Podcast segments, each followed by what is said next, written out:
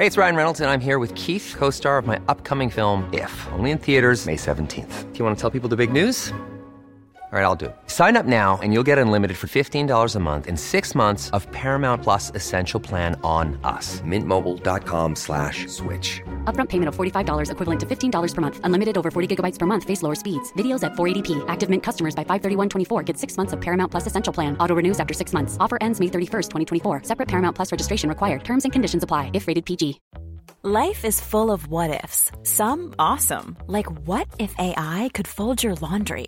And some, well, less awesome. Like what if you have unexpected medical costs?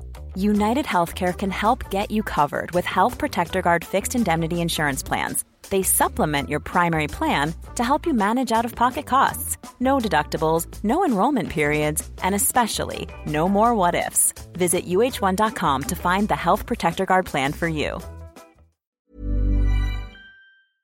Little sparrow,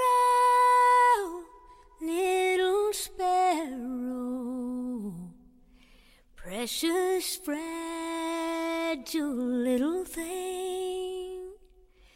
Little sparrow,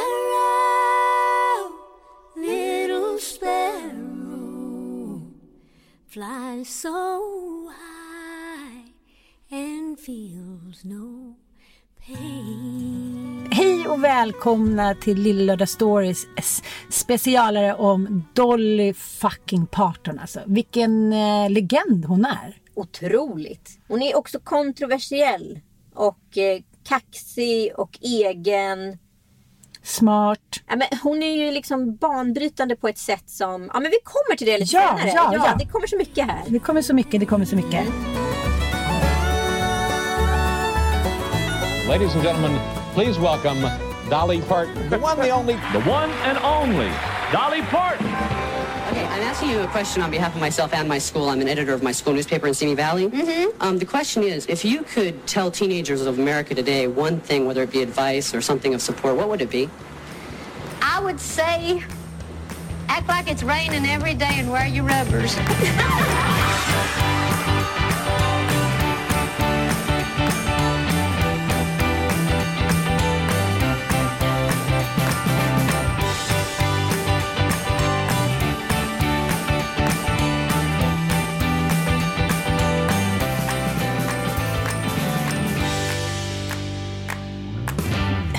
måste bara fråga innan, vad har Dolly Parton betytt någonting för dig under någon liksom, särskild period i ditt liv? Ja, det, det finns ju någonting som kallas för Dolly Quote som säger jävligt så här roliga, smarta grejer. Men hon har en grej som jag tycker är väldigt bra som hon säger. Att hon älskar seafood. I see food and I eat it. Jag fattade ingenting. Seafood heter det ju på engelska. Ja. ja. Det är inget roligt att återberätta skämt för övrigt. Men absolut. Men hon säger I'm always on a diet. I see food. Ja. I eat it. Ja, men eh, vi ska återkomma lite om hennes också ständiga diet. Eh, eh, hon är en eh, helt fantastisk person och jag kommer ihåg när jag var runt så här, ja, men 25-27 på varenda förfest. Alla har ju varit med om en Dolly-era på Ja. förfester som kvinna fall. Men det känns också som eh, senaste åren så har hon verkligen fått ett nytt erkännande. Att inte bara vara den där blonda eh, tuttisen. Hon är en riktig business queen alltså. Ja, men jag kan ju också uppleva att lite som en så här skinnjacka som blir inne var tionde år. Så Ja. blir Dolly inne var tionde år. Sen kan hon vara helt ute i kylan eh, för vissa, men då är hon inne för någon annan grupp och så vidare. Så hon, hon håller sig på något konstigt sätt alltid aktuell. Jag hörde för övrigt i eh, Brita och Parisas eh, podd att eh, Dolly introducerar alla möten med att eh, Okej killar, nu ska vi snart göra business, men först you take five. Vet du vad det betyder? Nej.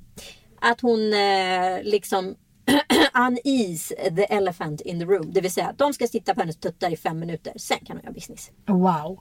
För när jag kollade på lite klipp om henne så är det ju mycket frågor om just tuttarna. Och eh, inte de senaste åren såklart. Och inte alla män, alla män i alla intervjuer insinuerar alltid någon form av frågeställning runt hennes bröst. Så jävla kackigt. Ja. People are always uh, asking if they're real and. Oh, I, no, I would and never. that. I would I don't never, t- you see. No, you don't have to ask. I would not. I'll tell you what. But I would give about a year's pay to peek under there.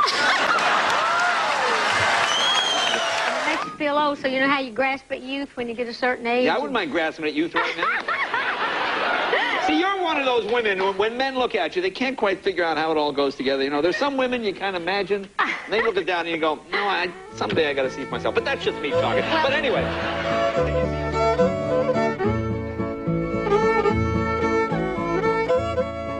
Dolly Parton föds eh, 1946 den 19 januari. Hon är alltså 73 år gammal.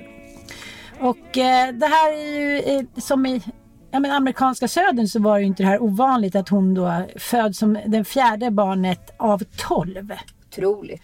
Ja, till de här superkristna föräldrarna i den lilla staden Saverville i Tennessee. Det ligger några mil från Knoxville där Dollywood har blivit en superstor attraktion.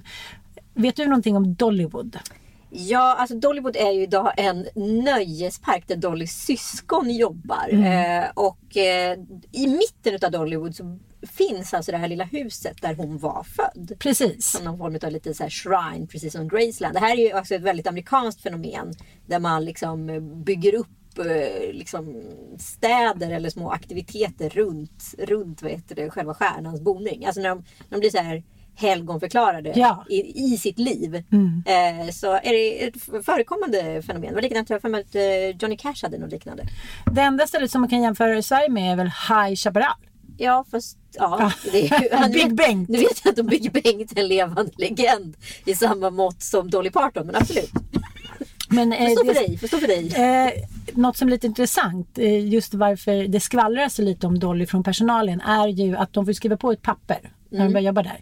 Och det som jag tycker är lite spännande är att de får inte säga någonting, vare sig något gott eller något dåligt. Det är klausulen. Fair. Ja, fair is fair. Ja. Och när hon skulle börja satsa på eh, ja, men Dollywood som ändå är en fet Gröna Lund-satsning så var det ingen i stan som ville hjälpa henne med finansiering. Hon sa fuck you, I do it myself. Ja, och det har ju hon råd med. Vi kommer komma in lite senare på i podden hur mycket Dolly faktiskt är värd i nominella pengar. Och då är det bara isolerat hennes musik, då inte hennes restaurangbusiness eller Dollywood inräknat i den här summan. Men det är en ansenlig summa om man säger så. Precis, men eh, mamman då som eh, är kristen och då inte såklart på den här tiden använder något eh, skydd blir ju på chocken hela tiden och eh, hon heter Avilly Lee Ovens. Hon föder då hemma i sängen som var brukligt då. Och eh, det sägs då att eh, pappa Lee inte hade några pengar så han sa till barnmorskan att eh, jag är ledsen, there ain't no money here. Så att hon fick då betalt, ja han betalade förlossningen med sex spannmål.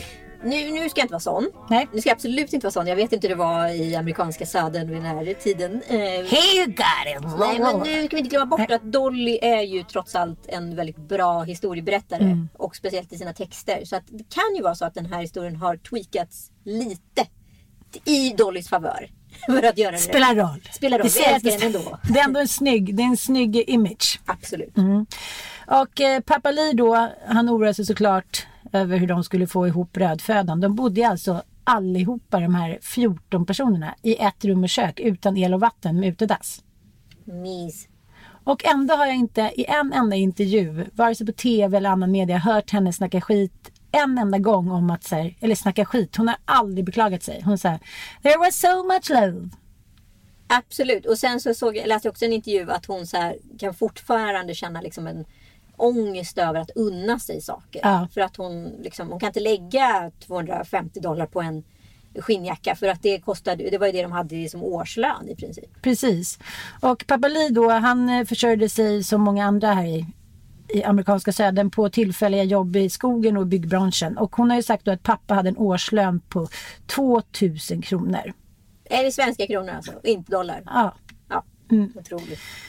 They were farmers. Men det finns ju många som du säger så här, vackra anekdoter om hur då Dolly växer upp. Det var en väldigt musikalisk familj. Det var, men, både, både nu och då så är ju amerikanska södern är ju väldigt influerad av den kristna sången. Ja, gospel och liksom Motown. Allt kommer ju liksom från södern. Mm. Alltså, och är besläktat med besläktat. Jag såg en jätteintressant amerikansk eh, dokumentär om ursprungsmusiken och hur den har liksom flyttat sig fram. Och eh, bönderna som har kommit över från England och tagit med en viss typ av musik. Och alla liksom Mm. länder har påverkat varandra och sen så har det liksom förenats i den kristna gospeln. Och sen har den brett, brett ut sig. Och eh, mamma Iver då har ju berättat att eh, Dolly sjöng sina första hits då. Ja men du vet hur man gjorde när man var liten att man, man tog upp någon, vad som helst, en flaska eller en låtsasmick och så hittade man på små hits. Mm. Det gjorde ju Dolly också, bara att det blev ju hits. Ja, det var den lilla, lilla skillnaden. Precis, och då sjöng och tog hon upp en gammal konsertbok som mikrofon då. Ja, och hennes eh, första hit kom ju till genom att eh, mamma Avy gjorde en docka till Dolly. Eh, och som hon satt och lekte med på verandan som treåring. Och så sjöng hon helt enkelt en liten sång om henne. Och så skapades Dollys första sång som hette Little Tiny Tesla. Little tiny tassel top, I love you and I'm full of corn silk hair and big brown eyes. How you make me smile. Ja, men det var ju som sagt en väldigt eh, påver uppväxt och alla hjälpte till med liksom, syskonen och försörjningen. Precis, och eh, Dolly har ju tusen gånger berättat att eh, det var en vinter där hennes mamma sydde en jättefin jacka tyckte Dolly då utav gamla trasor och i olika färger. Och eh, när Dolly kom till skolan i lilla byn då så blev hon ju retad av de andra barnen som tyckte att vad var det här liksom för ja, trashjacka då. Men eh, Dolly var superstolt och sen skrev hon den här låten Coat of Many Colors. Och eh, det är en av Dollys favoritsånger och den blev också sen en tv-serie på NBC. My coat of many colors that my mama made for me. Made only from rags, but I wore it so proudly. Och där var hon också en av de första, kommer jag att tänka på nu, att hon är liksom Ja men klassiskt som, ja, men som har blivit i modern tid då, att man ringar på vattnet, en sång blir en tv-serie. Mm. Ja men att det ynglar av sig.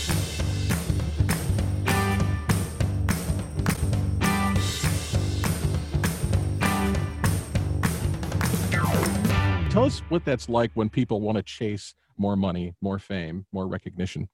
Well, I think money's good. Money's Yeah. great. We all want money. I don't think Sure. there's anything wrong with that. There's that scripture the love of money is the root of all evil. Not money is the root Yeah. of all evil. It's when you make money your God. And we all want the money. We all need the money. We all have to have it in order to survive.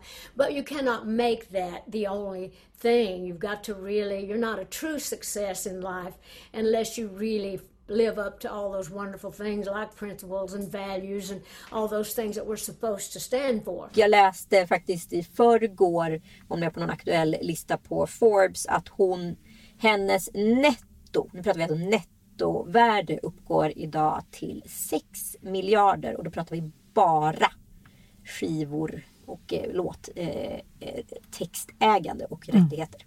Det är som att hon har blivit hela sinnebilden av USA tycker jag på något sätt. Absolut. Ja, och eh, jag tycker det är lite intressant för en, en annan ikon som under många år var sinnebilden av, vad ska man säga, så här, the American dream, det var ju Elvis. Just det. Sen eh, slutade det inte lika bra men han försökte ju köpa I will always love you av henne. Mm. Det var ju tur att hon inte sålde det. Precis. Han ville bara ge 50% tillbaka till henne och sa no, no, no. Och bara efter Whitney Houstons död, det vill säga hon, Whitney har ju varit död i ungefär fem år, har hon tjänat 45 miljoner dollar på den låten. Wow.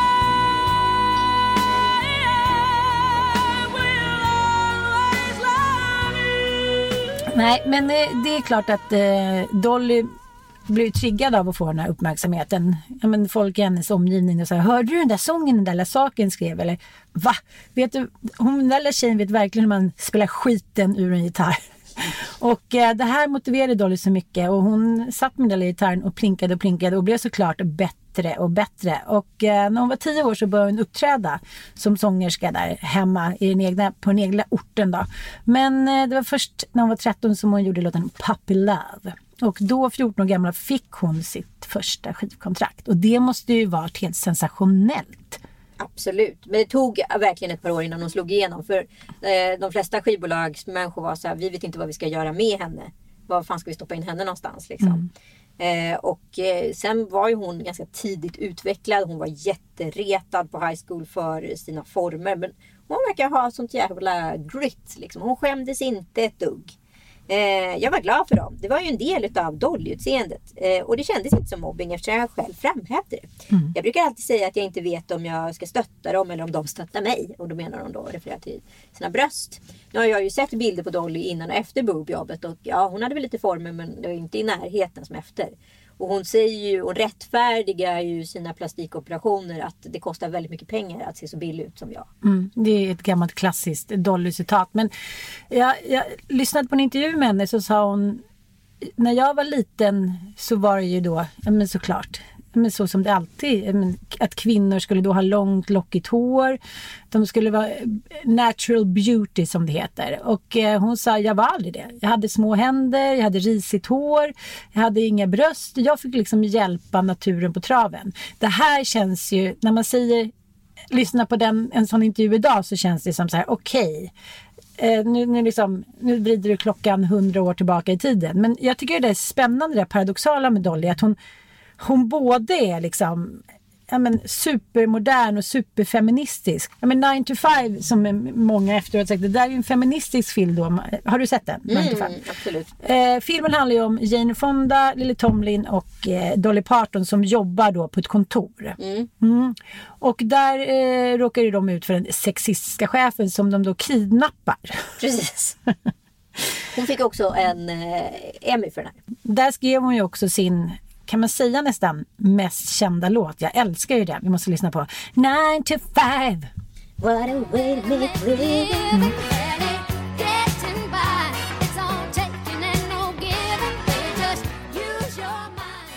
I, learned backstage, I did not know this, but you've always worn a wig. Well, I do wear wigs all the time because it's so handy and I'm always so busy. Yeah. And so I, I really enjoy wearing the wigs. And I asked her, I said, how many wigs do, do you have? Do you bring on tour? Are there other ones? Or is this the one? And you no, said I no. have at least 365, one for each day. One for every day.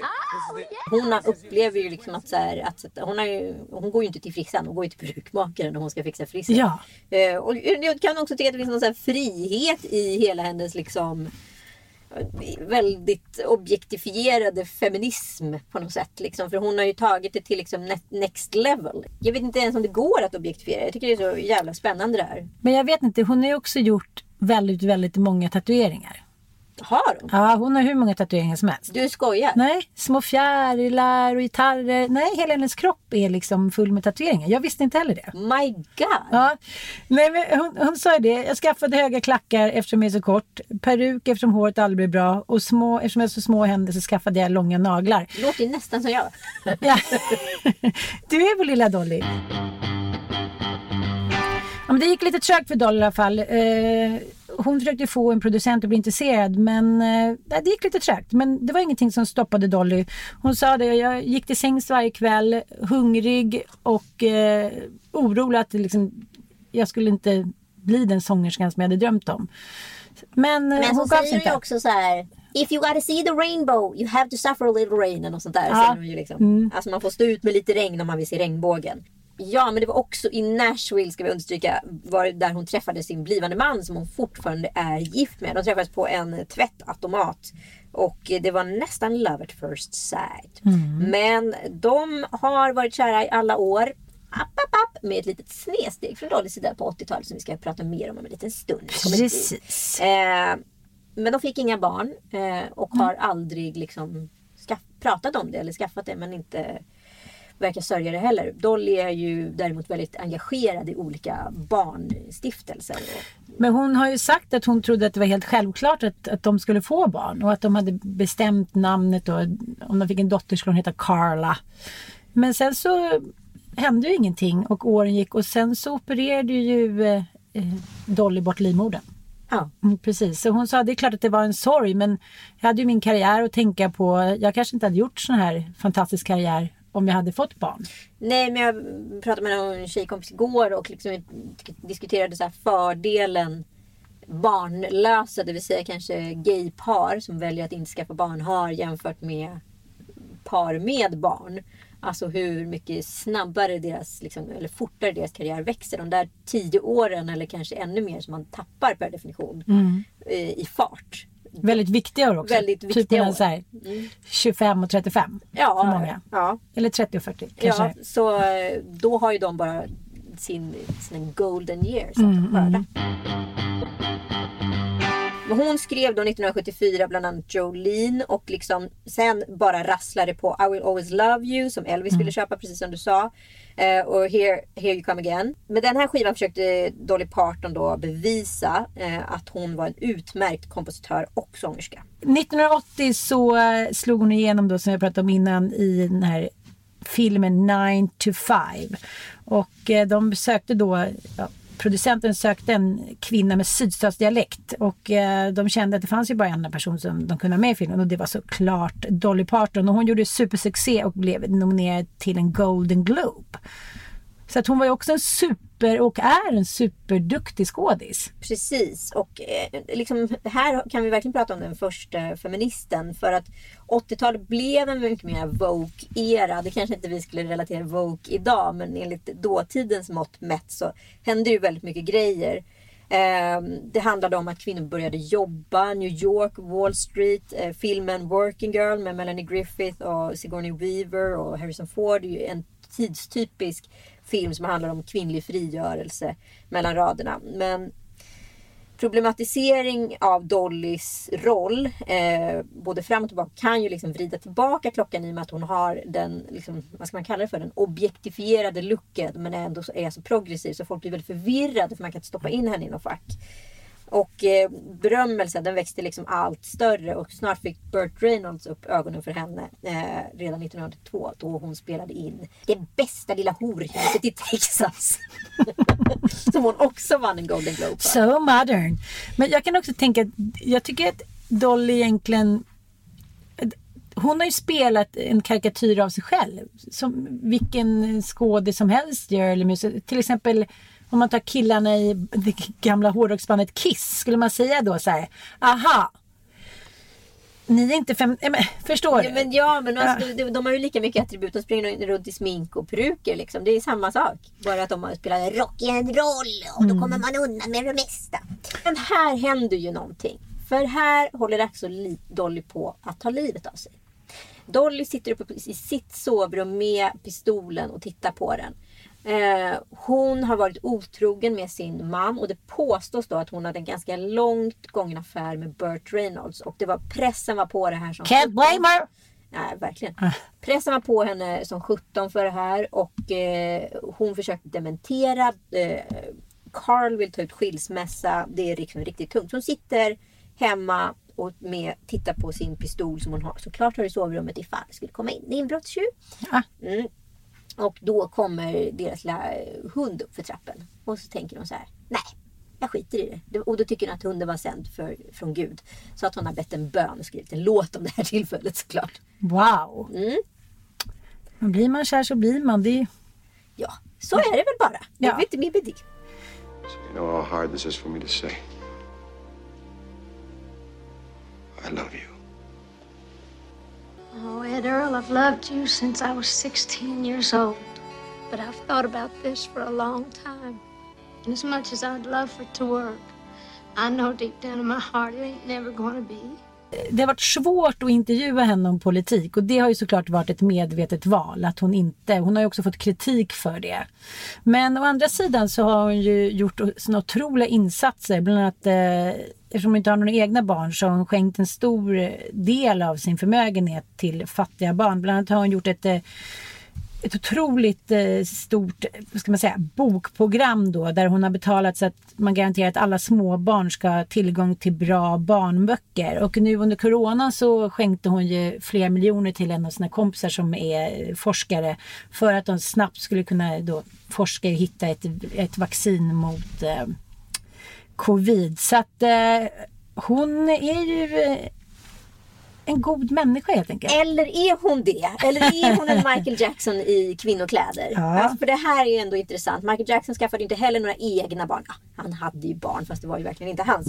Hur som helst vet vi alla att han var en väldigt känd pedofil. Och det är så här att Dolly har blivit anklagad utav en Blaze Tootsie att ha en relation med eh, honom från att han var 13 år ända fram till 1989. Eh, så har han eh, liksom blivit utnyttjad av superstjärnan påstår han.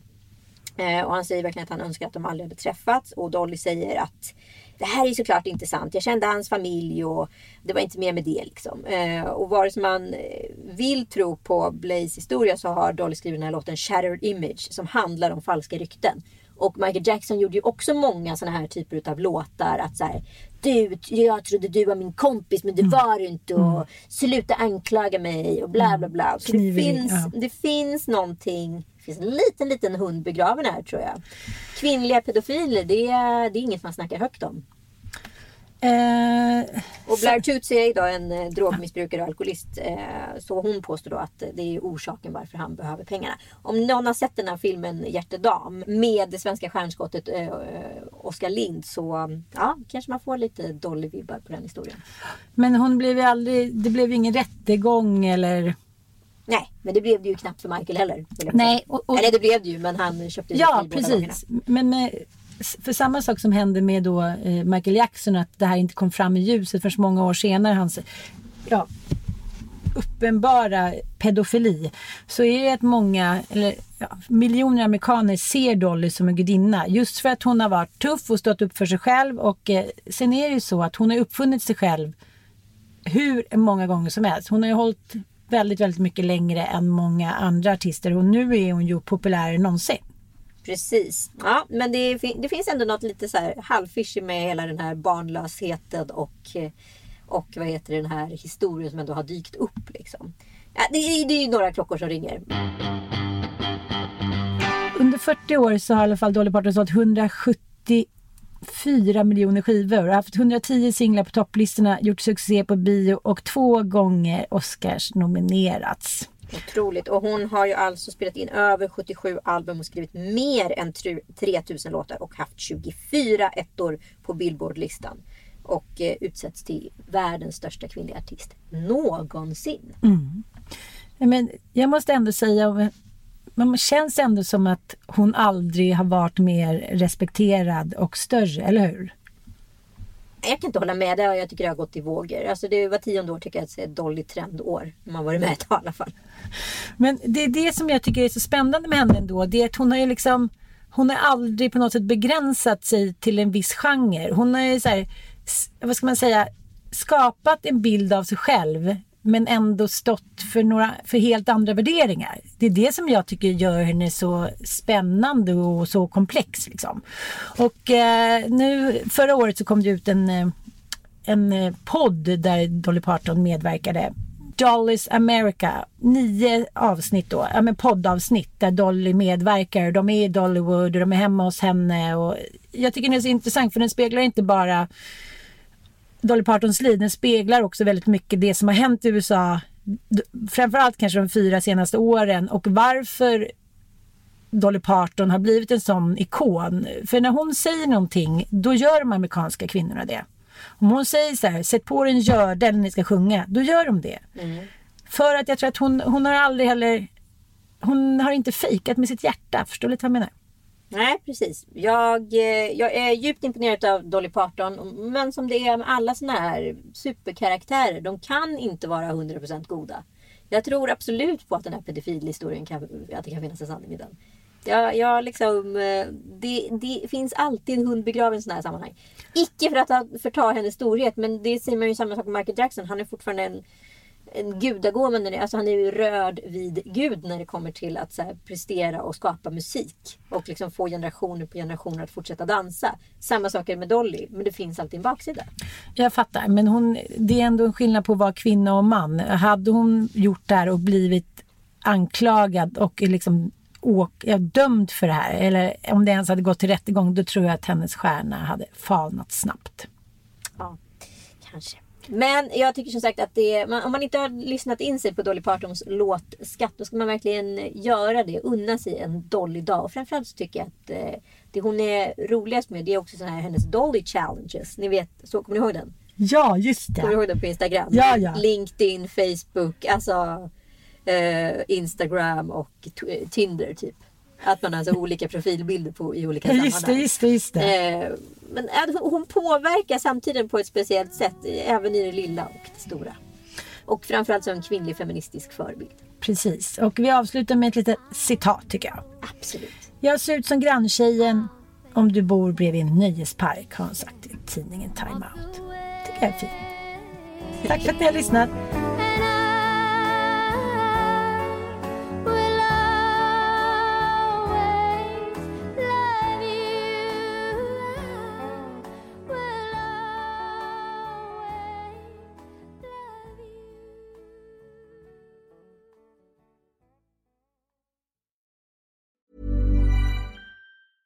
Even when we're on a budget, we still deserve nice things.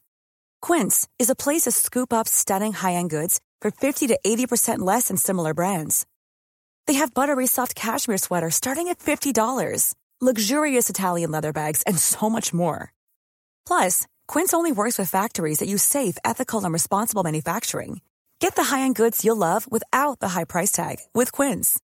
Go to quince.com slash style for free shipping and 365-day returns. Imagine the softest sheets you've ever felt. Now imagine them getting even softer over time. That's what you'll feel with Bowl and Branch's organic cotton sheets. In a recent customer survey, 96% replied that Bowl and Branch sheets get softer with every wash. Start getting your best night's sleep in these sheets that get softer and softer for years to come. Try their sheets with a 30-night guarantee. Plus, get 15% off your first order at bowlandbranch.com. Code BUTTERY. Exclusions apply. See site for details.